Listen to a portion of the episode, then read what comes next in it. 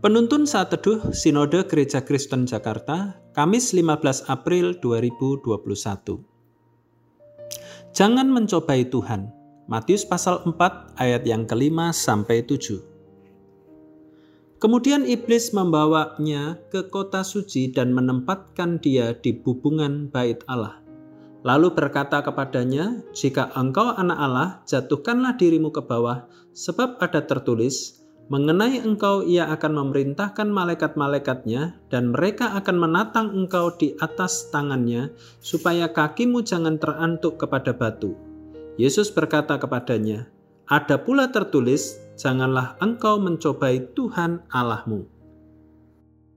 Penyertaan Tuhan sering kali diukur dari seberapa harta yang kita punya. Bahkan ada gereja tertentu yang mengajarkan orang Kristen yang disertai Tuhan itu diberkati dengan uang 10 kali lipat. Benarkah demikian? Hati-hati.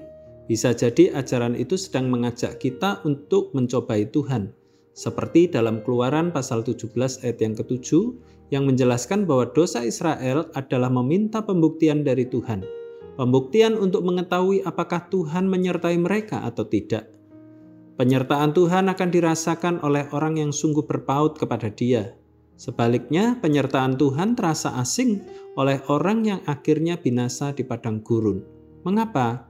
Karena mereka menginginkan banyak hal yang tidak sesuai dengan kehendak Tuhan. Mereka memilih perut kenyang daripada berjalan mengikuti pimpinan Tuhan. Mereka memilih makan kuali penuh daging ketimbang mengalami penyertaan Tuhan yang menguduskan mereka. Dari Keluaran pasal 16 ayat yang ketiga. Dengan cara dan konsep inilah iblis mencoba Yesus. Yesus dibawa ke atas bait suci. Bagi orang Israel, bait suci adalah lambang kehadiran Tuhan. Bangsa Israel berkali-kali menyakiti hati Tuhan, namun masih mendapatkan kesempatan disertai oleh Tuhan. Apalagi Yesus yang hidup sempurna di hadapan Tuhan. Jadi, iblis menempatkan Yesus di puncak bait Allah untuk mengingatkan bahwa Allah mustahil meninggalkan dia. Allah akan menyertai anaknya, namun Yesus tidak menuruti apa yang menjadi keinginan iblis. Yesus berkata, "Jangan engkau mencobai Tuhan Allahmu." Apa maksud perkataan Yesus ini? Bahwa kita tidak boleh meragukan penyertaan Tuhan. Kita mungkin pernah mengalami masa sulit. Penyertaan Tuhan terasa begitu jauh, seperti dalam Mazmur 22 ayat 1 sampai 3. Jangan menjadi seperti orang Israel yang hanya mengukur penyertaan Tuhan dari hal-hal duniawi seperti makanan, kekayaan.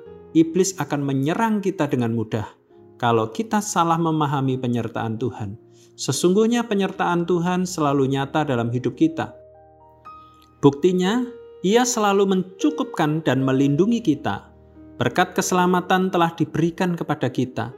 Yesus bisa menang melawan godaan iblis kita pun bisa mengalahkannya dengan pertolongan dari Tuhan. Bukti penyertaan Tuhan bukanlah materi, melainkan keselamatan yang sejati. Tuhan Yesus memberkati.